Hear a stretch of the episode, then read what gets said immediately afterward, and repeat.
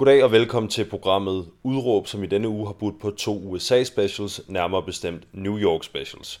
Jeg er nemlig taget til Guds eget land, The Land of the Free, The Home of the Brave. Jeg rejste over Atlanten for at dække det amerikanske præsidentvalg for Loud, men derfor skal du, kære lytter, ikke snydes fra holdninger og stemningslydbilleder fra byen over dem alle, den vestlige verdens hovedstad, New York. Så velkommen til den sidste særudgave af Udråb, og lad os så komme i gang med dagens program. For i dagens program skal du høre historien om det amerikanske præsidentvalg i New York, skildret fra to vidt forskellige vinkler. Nærmest så forskellige, som jeg forestiller mig, det kan blive.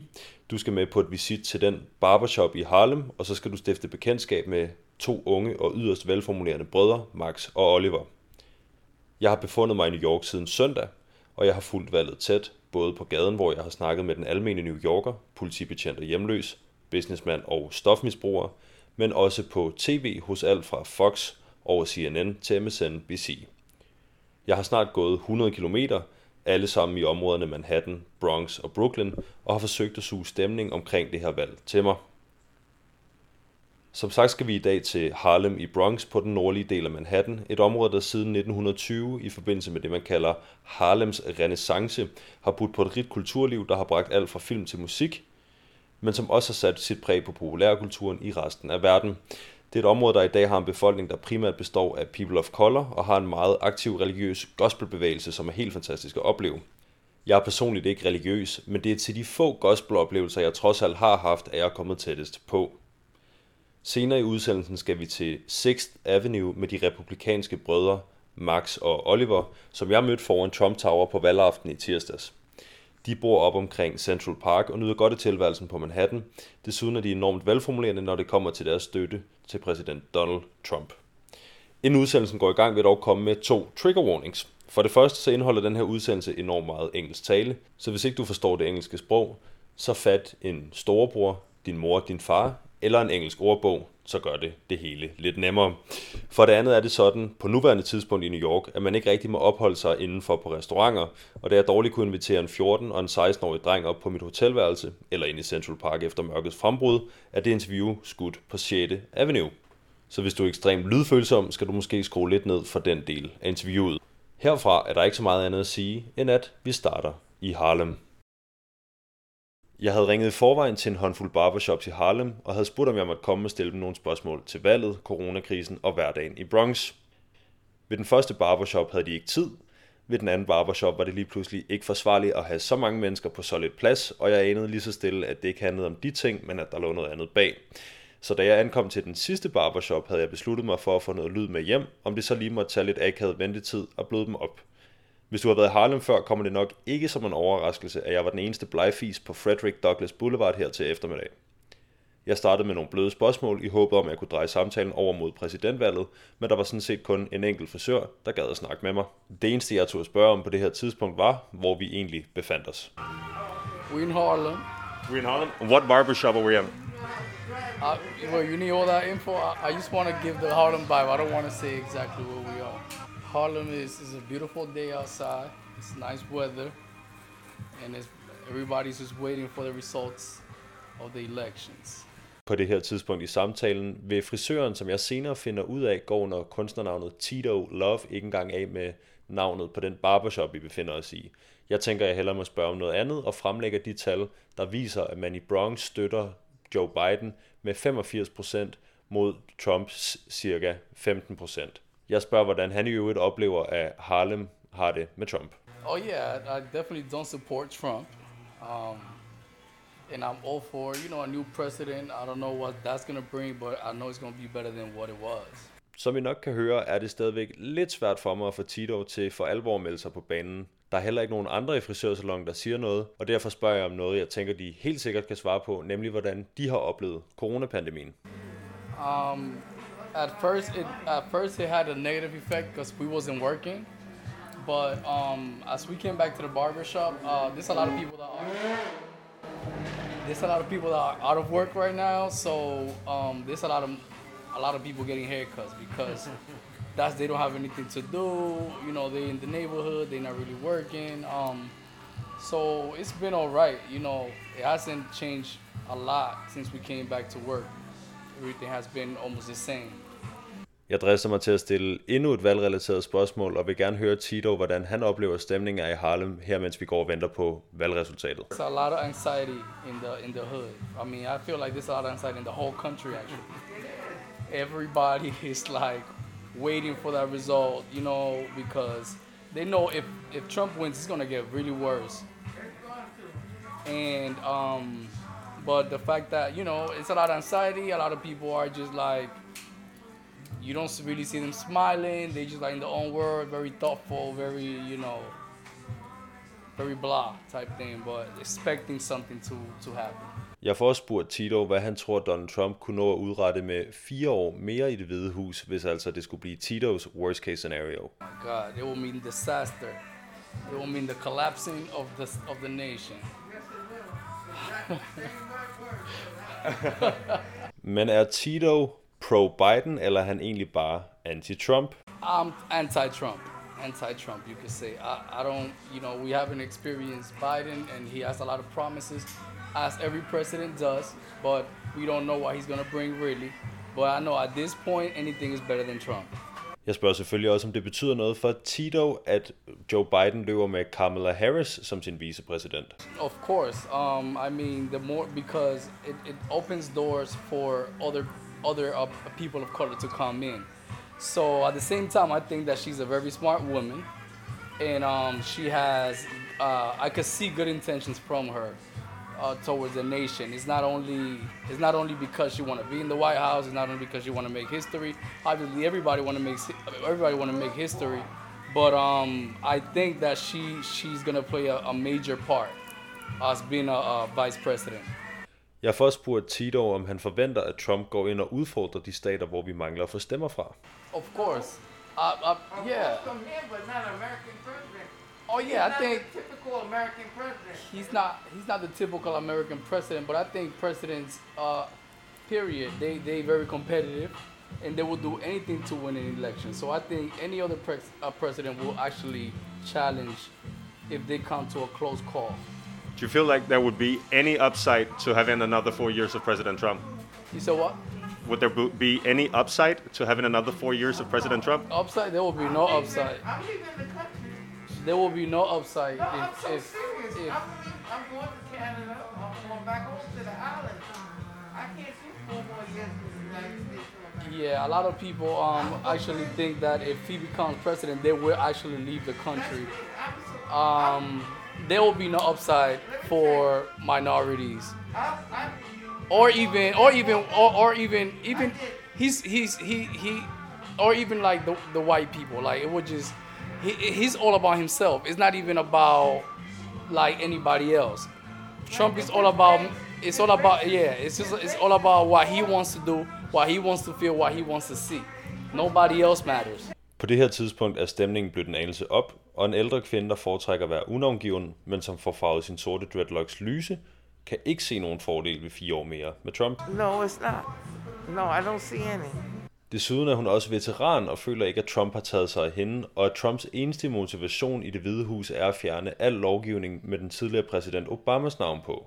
I was in a wheelchair for seven years, right? I got plates in my neck, holding my neck together. I had both my knees replaced. I had my left hip replaced.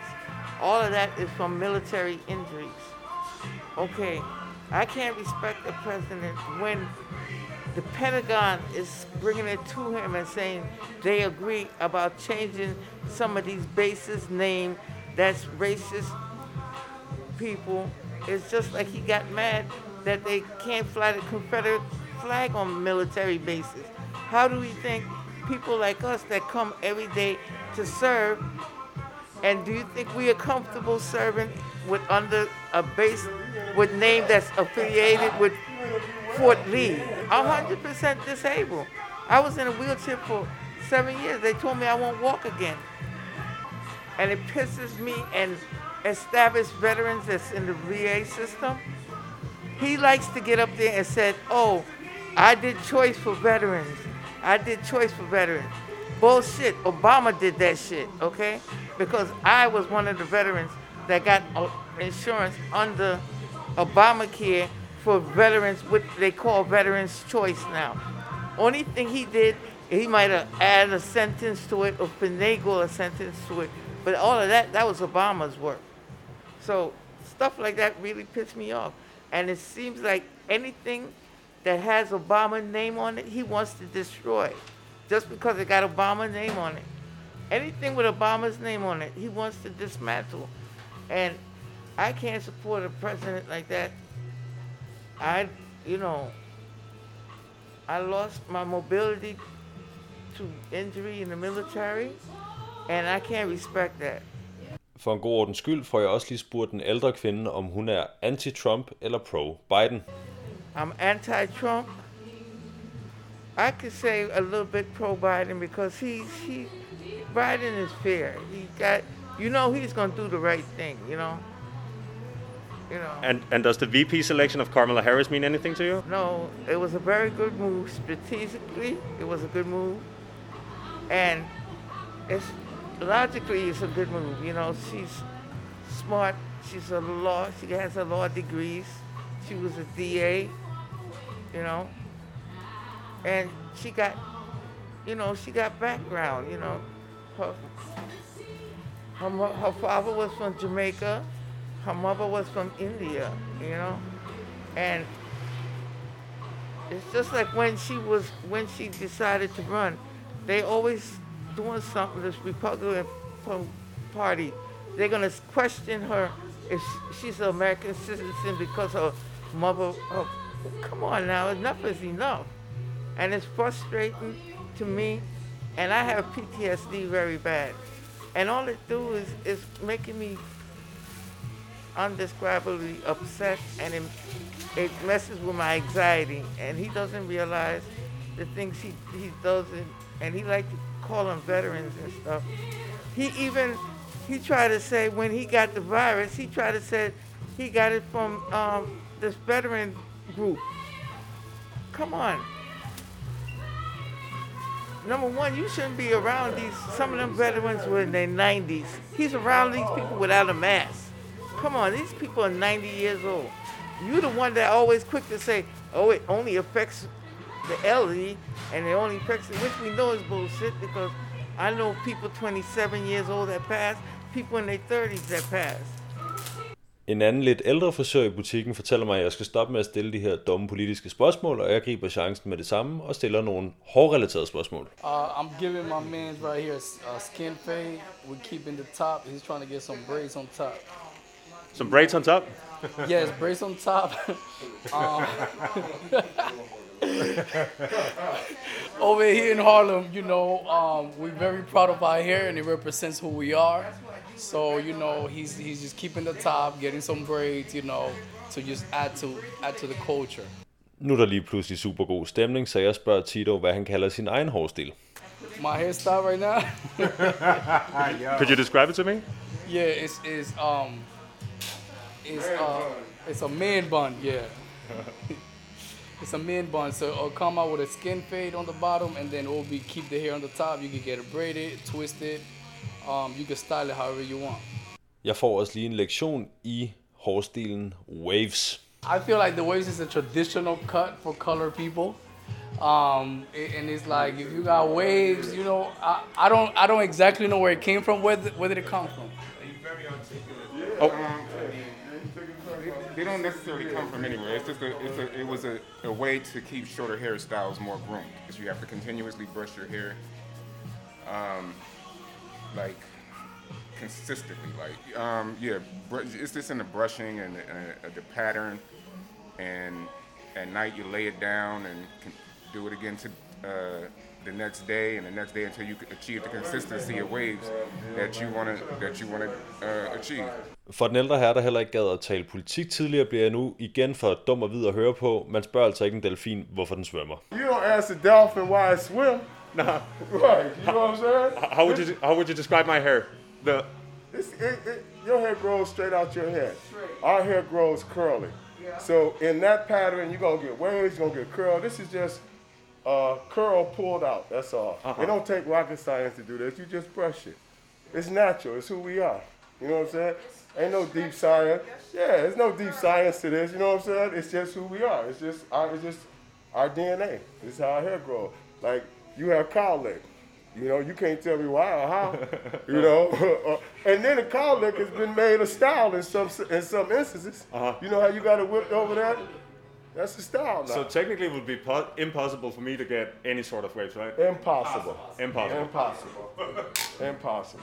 Humøret i barbershoppen er væsentligt bedre, end da jeg kom der ind, og øh, vi får lige spurgt den kvindelige frisør, der står og arbejder over ved døren, både hvordan hun foretrækker at klippe hår, og hvordan hun i øvrigt foretrækker at style sit eget hår. Um, um, with the grain. With the grain creates um, a, a more thicker effect of how the, the hair grows. And it, it's like training the hair to stay thicker, but in hindsight, you have to like exercise the hair follicles for it to stay strong. It's just like a muscle that it, it, it has that kind of DNA. Like he has like long hair, so he's braiding it, he's pulling it out, he's combing it, he's he's doing a lot with it. So it's it has the tension to stay in his like on his head longer. Uh, mine's is uh, dreadlocks. Um, well, I technically use it as my art form, as how I feel about myself within. It's like art to me. So, to me, we're as humans, we're a canvas. So, whatever our insecurities are, we have to paint it on the outside to for us to see ourselves. So my hair is a part of my my my canvas. So when I look in the mirror, it's a, like a I'm already seeing Van Gogh. I'm already seeing all of these artists' work already, like the Mona Lisa. So my hair is my art that I've brought out from my brain into into physical. Efter jeg har snakket med næsten alle frisørerne og nogle af kunderne i butikken, vil den ældre herre, der tidligere ikke ville snakke politik, trods alt godt fortælle mig en lille smule om hans politiske overbevisning. So, I mean, it's, it's, it's that every day of my life, you know, and I'm not oblivious to a future, you know what I'm saying, and, and things that will affect the, today that will affect tomorrow, you know what I'm saying? But that's a whole other talk show. What I'm saying right here, as I stand, and the question that you asking about, am I anti this and all that? Man, I'm, I, I'm anti. I'm anti any motherfucker who don't want to get down to what I'm getting down. You know what I'm saying? You know, whether it's Biden, Bush, Trump, all of them. You know, and it's fucked up how Trump is what he is, but then you throw this motherfucker at us. You know what I'm saying? And, and who is Biden? You know what I'm saying? Who the fuck is Biden? You know, he called us predators and all that shit. You know, that's what I'm saying. It's all a fucking game. And I'm not gonna get emotionally involved in this shit. I'm not gonna have no stress, no anxiety with this shit, none of that. Let the cars fall where they fall. You know what I'm saying?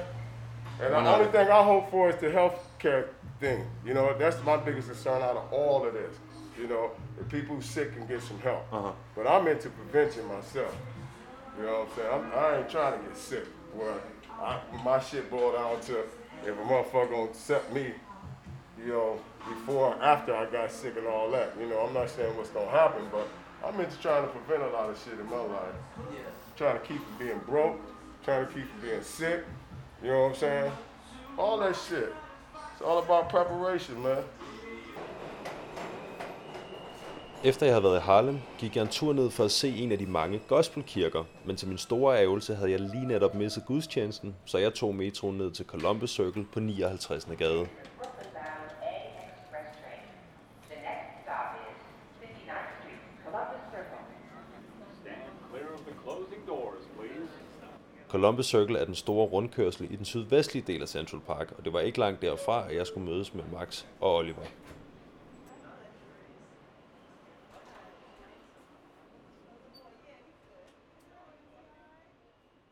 I forbindelse med dækningen af valget i tirsdags havde jeg mødt øh, to unge Trump-supportere, Max og Oliver. Dem satte jeg mig ned med på en travl 6. Avenue og fik en snak. I'm Max. I'm the older brother. I'm Oliver, the younger brother. Uh, we're both we're both students. We both go. We're both in high school. I'm second year of high school. It's called a sophomore. I don't know if you guys have the same. He's a freshman. Um, we're athletes. We follow the news. Anything you want to add? I mean, yeah, basically that's it. I don't know if you guys have the same school system. No, okay. We're in, I don't So know, sophomore ninth, is ninth soph- and tenth right. grade, something like that. I guess that's how you guys would Which is two it. and three years before college. We're both ten. We both play a lot of tennis. We both play some golf. Um, I play a lot of baseball, tennis, golf. Jeg spørger drengene, som er henholdsvis 14 og 16 år gamle, om hvordan det er at bo i den vestlige verdens hovedstad. It's the center of the world where we are right now. Never, I mean, it's, the city never sleeps. Gets the name for a reason. Come out here at 3 a.m. and you'll have, you know, you'll have certain, fairly certain you'll have some drunk people out here having some fun. It's just how it is. It's awesome living here. Og hvis man spørger drengene, om de nogensinde kunne tænke sig at flytte, så får man det her svar. No, never. I probably not. I mean, maybe I'll go somewhere else for college, but I think I want to live here when I grow up. And would you consider yourself uh, proud Americans? Oh yeah, for Very sure. proud Americans. Very. Selvom drengene dyrker sport og går meget op i det, er det ikke noget, de tænker, at de skal leve af. Well, I mean, I guess when we were like four or five years old, that was a bigger dream of living off our sorts. I still have hopes to play in college, and we'll see. Maybe go farther than that, but I don't know. It's there are a lot of paths in America. You know, there are so many different opportunities you can go, so many different paths you could go down, and politics is definitely one that I wouldn't close. For both of you? Yeah, that, that one for sure. For the last one for sure for both of us. I I don't necessarily have aspirations to become a professional sports player, but definitely I'd love. We both would love to do something with regards to politics. Begge drenge nævner, at de godt kunne tænke sig en karriere i politik, og jeg spørger dem derfor, hvorhen på det politiske spektrum de befinder sig. We're both conservative. Um, we both consider ourselves Republicans. We support the president Trump. Um, we supported him for re-election. Um, we and we agree for the most part with most of the Republican Party's base policy principles. Her giver den ivrige taxichauffør i baggrunden af lydbilledet heldigvis op for interviewet, og jeg spørger drengene, hvad det er, der har været med til at forme deres politiske overbevisninger. Men som Oliver også siger, Welcome to New York. Well, I mean, I think it's important when you're, you know, when you're shaping your political views, you don't just listen to what your teachers are telling you, what your parents are telling you. You have to go out and do your own research. And I think that was the biggest thing, especially for me. I went out and I, you know, where we go to school, every school in the city, you're not, the view, the political views are way to the left.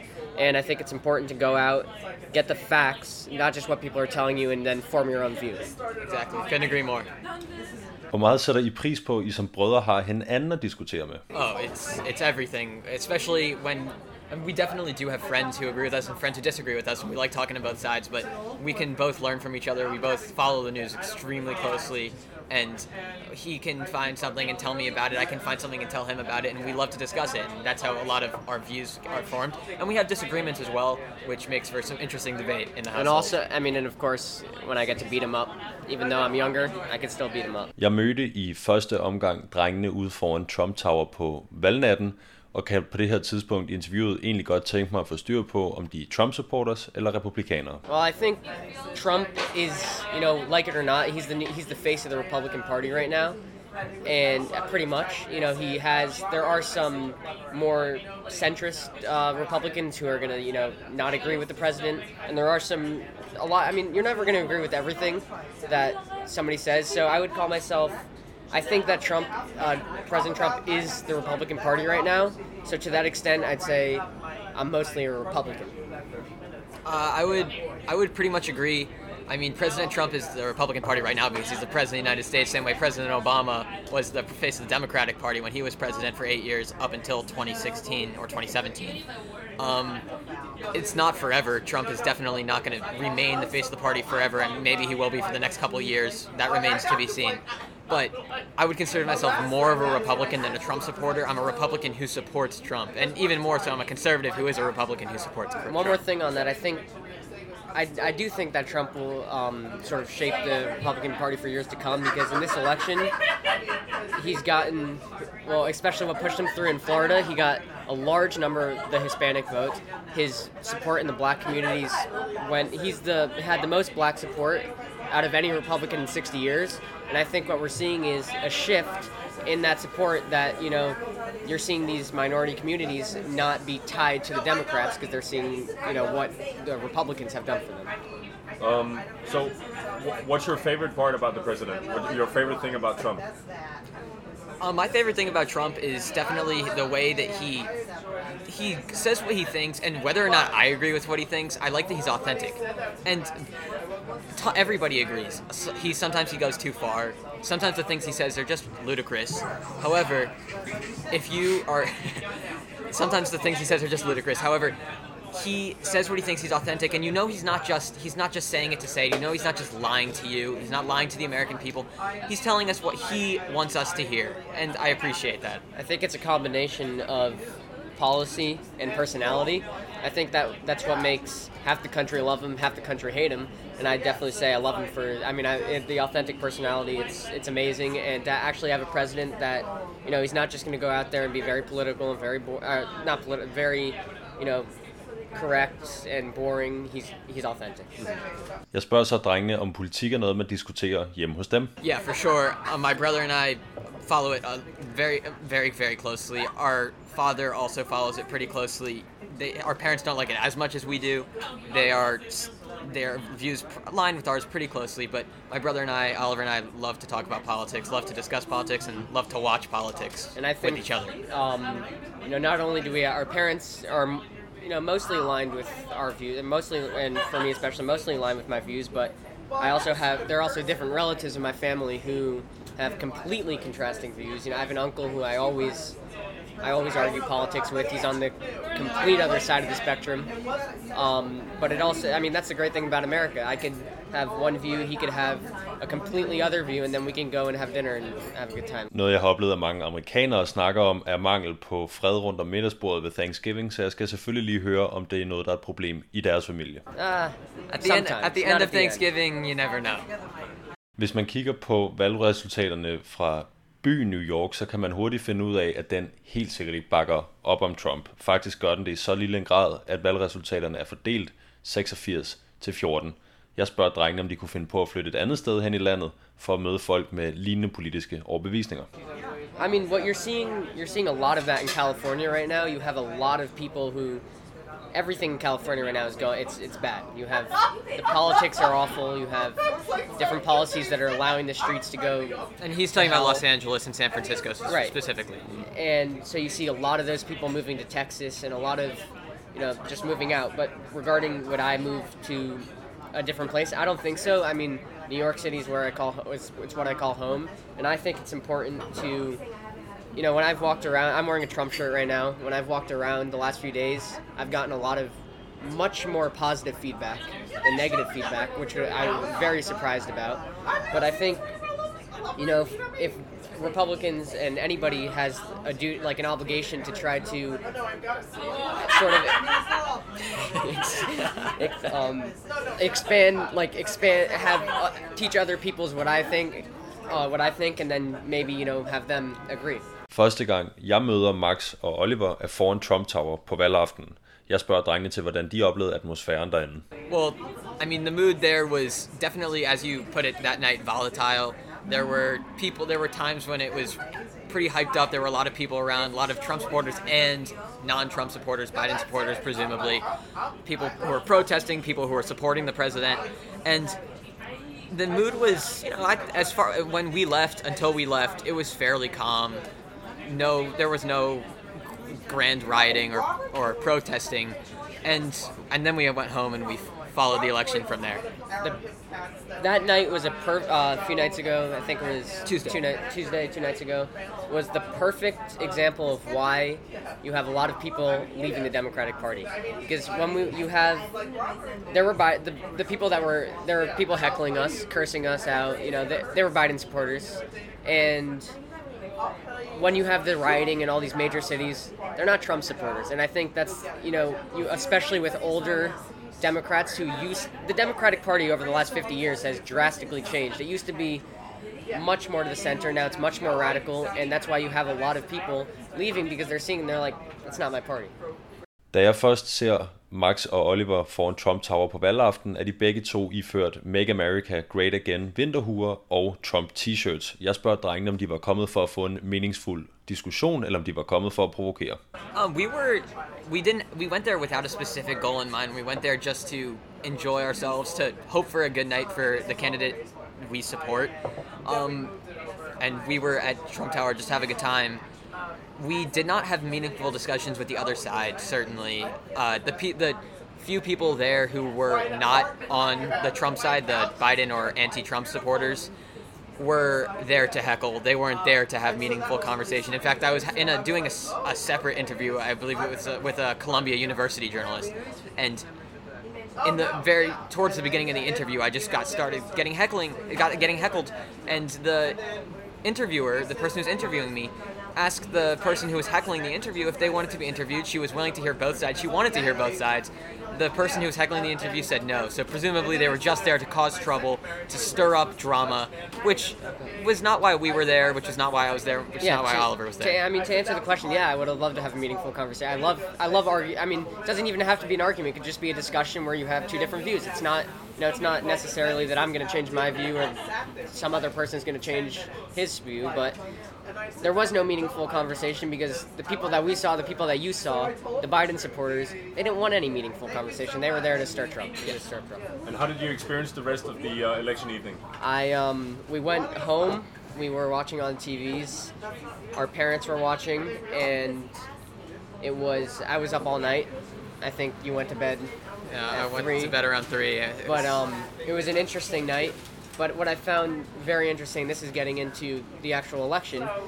If Trump had a big lead in, he had a, he had good leads in Michigan, Wisconsin, and um, Pennsylvania, and there were t- North Carolina and Georgia, and right when he was starting to pull away, they stopped counting the votes for the night, and I think that's a big that's going to be a big question. We've already seen many lawsuits. We're going to see many, you know, many lawsuits in the days to come about the integrity of the election, as we found out that there really was no integrity in the mail-in ballots parts of this election. there were a lot of there were a lot of things that were not they were looking a little fishy um, the votes for there were are, I don't want to say rumors but the president has been floating certain theories about the votes being added votes for for Biden Trump votes being taken away and certain mail-in ballots just being inauthentic mail-in ballots being authenticated. And if you look at Pennsylvania,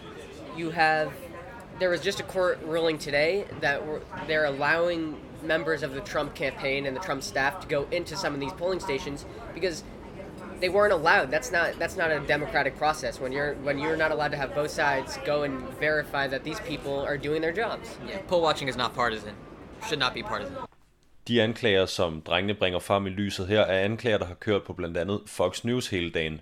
Hvis man tænder for noget mere øh, venstrevenlige MSNBC eller midtersøgende CNN, så vil man finde ud af, at anklagerne ikke nødvendigvis har specielt meget hold i sig.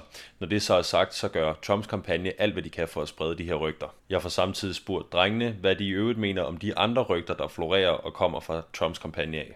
Well, there, some of the claims that he has made, that Republicans have made, have been unsubstantiated. However, when you have these irregularities in the watching of the polls, in the counting of the ballots, all of a sudden, this these counties would only there would be zero Trump votes and thousands of Biden votes, and yes, some of the claims are un- unsubstantiated. However, if you are not allowed to watch, if you're only certain the Democratic Party was allowed to watch or was counting, and the Republican Party was not allowed to send their own delegates to view what was going on, to to view the process, then there's no reason that you should be able to trust the integrity of those results. I don't. Uh, I personally don't think most of the claims that there. I mean, some of them maybe he's gone a little far, but I I do think most are substantiated. However. Before the election, even before the election, we saw hundreds and thousands of Trump ballots.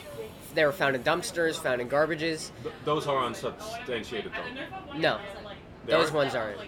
Hu- They- hundred- hundreds of thousands? Not hundreds, of hundreds, like not Okay. hundreds, hundreds and thousands. Like that's not unsubstantiated. They found, they found them in ballots all over the country. There were a bunch of military votes because they all are mail-in votes, mm-hmm. the ones that are overseas, and those Absentees. were absentees. Those were found in, those were found in dumpsters too.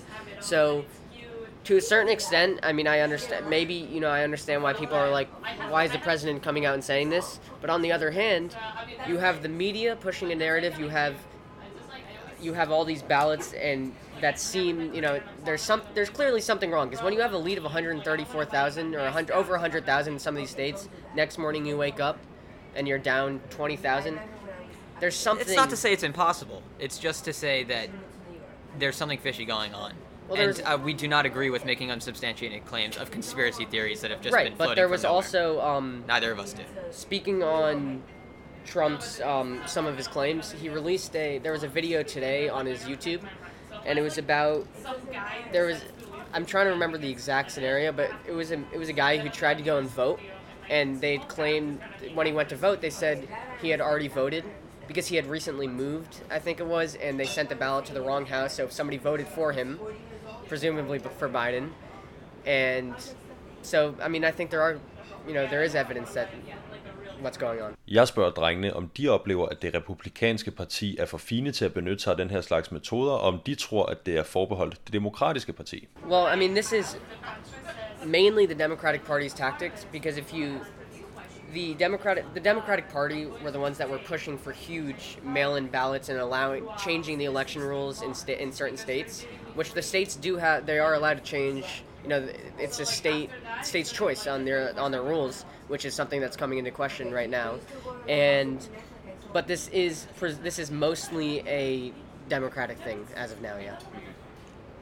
The mail-in ballots issue on its own is more of a democratic thing. So the reason why we say that we are the democratic results are more fishy than the republican results are simply because the mail-in ballots lean heavily democratic and the mail-in ballots have it's we, we don't know we can't speak for sure on whether both sides are doing this but from what we can tell it The seems like evidence it's just Democrat. suggests what we've seen so far. It's been more to the Democrats. På det tidspunkt, hvor det her interview er optaget, begynder det at se en anelse sort ud for Trump i meningsmålingerne. Jeg spørger drengene, om de stadigvæk tror på en Trump-sejr. Um, you know, it's hard to say. I don't say that. I don't think that Trump is going to win the election. It makes me. It's. I mean, it's sad for me. I was really hoping that the president would pull through, but it is what it is. I hope that he's win. I'm holding out hope that he's going to win, but it looks as though he's not going to win. Even if he wins, the states that he's currently leading in, which are Pennsylvania, North Carolina, he's going to win Alaska, and Georgia. And but Pennsylvania. I said Pennsylvania, but Arizona and Nevada's still close. So this can be a Nevada election for all we know. So, I do think the president's going to win, and he has a few paths, and from what I see, and so he's leading. Let's say he he takes Georgia, he takes North Carolina, and he's going to take Pennsylvania, and he takes Pennsylvania. He, the campaign is called for a recount in Michigan because it's a difference of twenty thousand votes, and we'll see how that turns out. That's a big, that's a big number, but we'll see. Um, in Arizona, where you had you had Fox News, which is usually a right-leaning news network, and AP, the Associated Press, they called Arizona for Biden. But what we've seen over the last three days, I think it was a 300, there- 300,000, or a huge difference. It was an eight-point lead when they called it for Biden, but they didn't account for, you know, some of the voting in person. They also didn't account for the people that dropped off their ballots at the polling stations. So what we've seen is Trump has decreased that lead. It, now it's at 69, 68, 69,000 votes, and he needs I was reading he needs to get about 57 and a half. There are over 400 from what I read there are over 400,000 ballots still out. He needs 57 and a half, 58% of those ballots and right now of the batches that were counted today and last night, he's overperforming that number. So I'm still I still think he has a great shot in Arizona. Selvom brødrene er en anelse uenige på netop det her spørgsmål, kunne jeg godt tænke mig at høre dem, hvad det vil betyde for dem med fire år mere med Trump. Um, I would be extremely happy. I think that the country has been heading, especially before the pandemic, the country was headed in the right direction. The economy was doing the best it has ever done. The stock market was at all time highs. Unemployment for all demographics was at all time lows. And everybody, people's 401ks were doing very well. People were doing well. Wages were high. Here's my point the Trump, uh, four more years of Trump would erase whatever de- losses we have had from coronavirus. Obviously, the, the lives, GD not the lives, but we can't get back lives. Just but look at the GDP in the third quarter. I think it was It what was it, 32 30 point, 33 points. 33.1%. So what in in another 4 years of Trump in the beginning of the election on election night the stock market was already reacting.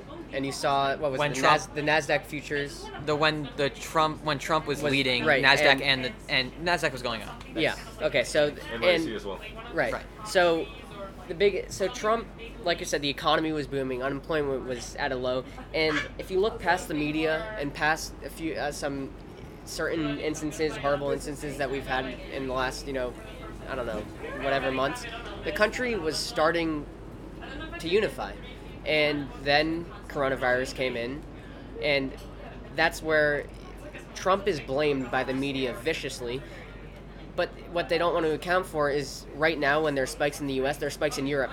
London just shut down. So to blame the president for, you know, coronavirus and this whole thing, I think it's very extreme. And I think another four years of Trump, we'd not only um, recover from coronavirus, we'd go much farther. And uh, an, an issue to take, tackle the other side of that question if a Biden presidency were to come, the most important issue right now, obviously, is the economy. It's in the dumps because of COVID 19. It's recovering more quickly than ever. So what's more important, uh, the economy or COVID nineteen? Both. However, I don't. I think that. I don't think. I think that Biden. My what I'm about to say about Biden doesn't have to do with COVID 19 policy, but in the middle of a pandemic, when in a recovery from a pandemic, to increase taxes yeah. on Americans, to increase taxes on co- companies, corporations, which are very much helping Americans right now. Not how you recover from a It's not how you recover from a pandemic. You're exacerbating the problems that have been created by But the one, pandemic. one more point on coronavirus, or two. First, when Biden was giving his Biden and his uh, running mate Kamala Harris, who I think is the bigger problem than Biden, um, when they were giving their you know quote unquote coronavirus plans to you know for the future, and Mike Pence said this in the vice presidential debate. It sounded a lot like plagiarism. They said everything that they'd said. Trump had he he was left with an empty stockpile of ventilators.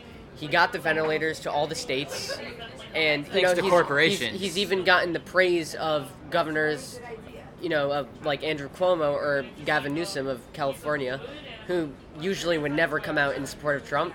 But I think well, they didn't endorse him for president. no, not no. They in support worked of with his, him. They worked with him, and they came. Yeah, but I think um, with a Biden presidency, I, I don't think the he he would only. It's not just. It's about balancing COVID nineteen as well as the economy and as well as opening up. Because it's also very underreported the mental health of the citizens when during the, the lockdowns. Jeg spørger også drengene, hvad det vil betyde for dem, hvis republikanerne mistede kontrollen over det hvide hus. Well, I don't think um, they're already they're, they're going to take the Senate. They're they're going to re um, take the Senate. They're gonna hold They're going to hold the Senate, and what that means is even if uh, a Biden presidency ensues, nothing's going to happen at least for the first two years because, and I think that's actually good for Joe Biden because he was never he's never been a, a face of this way way left uh, party. He's more always been more of a centrist, still left leaning, but he doesn't have to cave into the. If he were to win, he wouldn't have to cave into the radical left because he can't because he's not going to go through the Senate. and certainly Biden has shown inclinations to try to work with one quality that I very much like about him. He's shown he's been able to work with both sides. I mean, he's gotten a lot of moderate Republican support, which is more of a referen- referendum on Trump than it is a support in support of Biden. But it's he's worked he's proven like with John McCain, against whom he ran when he was running for vice president in 2008 they've worked together they had a deep friendship and even though they were totally separate politically they they were able to work together and he's going to be able to he's he should be able to do some good things in that regard Donald Trump er den første præsident i amerikansk historie til at gå ud og holde et pressemøde, hvor han indirekte erklærer sig selv som vinder, før alle stemmerne er talt op. Jeg spørger drengene, hvad de mener om, at mange medier herover kalder ham en dårlig taber. I don't think that I don't think he's a sore loser because I don't think he has lost, and I think that he didn't claim victory in the election. He didn't. He didn't. But he also didn't concede the election because there, first of all, He are did claim so many. victory. He didn't claim victory in the whole election. He said that he thinks he's going to claim, be able to claim victory, which is the same thing the Biden campaign said. But President Trump is not a sore loser. President Trump is waiting for tons of ballots to be counted. He's waiting for he's waiting for results to be recounted. In Wisconsin, they've already requested and I'm pretty sure been granted a recount and it's going to be a while before we have definitive results on this election. and I think that he will go he will leave the White House so fairly and squarely if he fairly and squarely loses the election. Well, the reason why also you haven't seen, you know, a president like this, you said in what how many ever years ever come out and do this is because this is a a really different election. As we talked about, you have all these mail-in ballots, and the integrity of those are in question. You have a lot of parts of this election that are a lot of people are questioning, and that's why it's it's com- it's a completely different election. So I don't think we can you know put this election with the 2008 election. I USA har man snakket om den her 500 dage lange valgkamp, så jeg spørger drengene, hvad de glæder sig mest til, nu når valget er overstået. Well, I'm looking forward to un- a little more unity. In any election cycle, there's going to be a lot of controversy. There's going to be a lot of people who don't agree with the popular narratives of what's going on, but we should the controversy should calm down a little bit once the election's over, once the results are definitively decided, and that's something that I'm definitely looking forward to. Um, I mean, I'm looking forward to hopefully a Trump presidency, which I think, I, I really do think he's gonna, we're gonna have. But I, I think, I'm hoping if Biden were to win, he would be able to, you know, sort of cut work with the other side or, you know, try to you know unify the country a little more, which is what he said he's he would do. But I think, you know, it's we'll see. Inden jeg lader de politisk engagerede unge drenge gå, spørger jeg dem lige, om der er noget, de godt kunne tænke sig fundamentalt at lave om på i det land, de bor i, uden for den politiske verden. Uh, fundamentally, I think the media is the biggest problem I have right now with the country. No offense to you, you're not this country's media, so nothing against you. But I think the media in this country pushes narratives. The media of this country is not is not unbiased. The media of this country leans far to the left. They don't report on certain issues. And look, I think they should report on both sides. I'm not somebody who's like, don't report on Republican issues. I want you to report on problems with both sides. And the media just doesn't do that. They ignore totally a huge scandal with regards to with Joe to Joe Biden and his son Hunter. Right, and pushing- there's it's and- rampant corruption and the media pushes narratives that I don't support and I think that that needs to it's- change. Other than that, I just the like media. the I like the way that our country is and it is headed. Well, I mean, the media, the media. I mean, that's the it's the biggest problem with our country in my mind right now. But uh, there's one industry that's dead after this election. That's the polling industry. You had they didn't learn after 2016. You had the ABC poll, the last one. They had Biden up over 10 points nationally, and obviously that's completely wrong. Som vi hørte her til sidst, var det altså ikke de danske medier, den var gal med, men de amerikanske. Og det runder min lille reportage fra to sider af samme by af. Som sagt hørte du først fra Ross's Barbershop i Bronx i Harlem, og bagefter fra brødrene Max og Oliver på 6. Avenue på Manhattan. Du har lyttet til den sidste af tre særudgaver af Udråb med mig, Vitus Robak, her på Loud. Programmet var produceret af Rakkerpark Productions. Dagens producer hedder Thor Arnbjørn. Dagens tilrettelægger hedder Tejs Kamuk. Og hvis du sidder derude med en holdning eller andet, du vil dele, vil dele med os her på redaktionen, så skriv ind til udråb Vi vender tilbage igen på mandag fra 12.05 til 13. Tak for i dag og have en skøn weekend.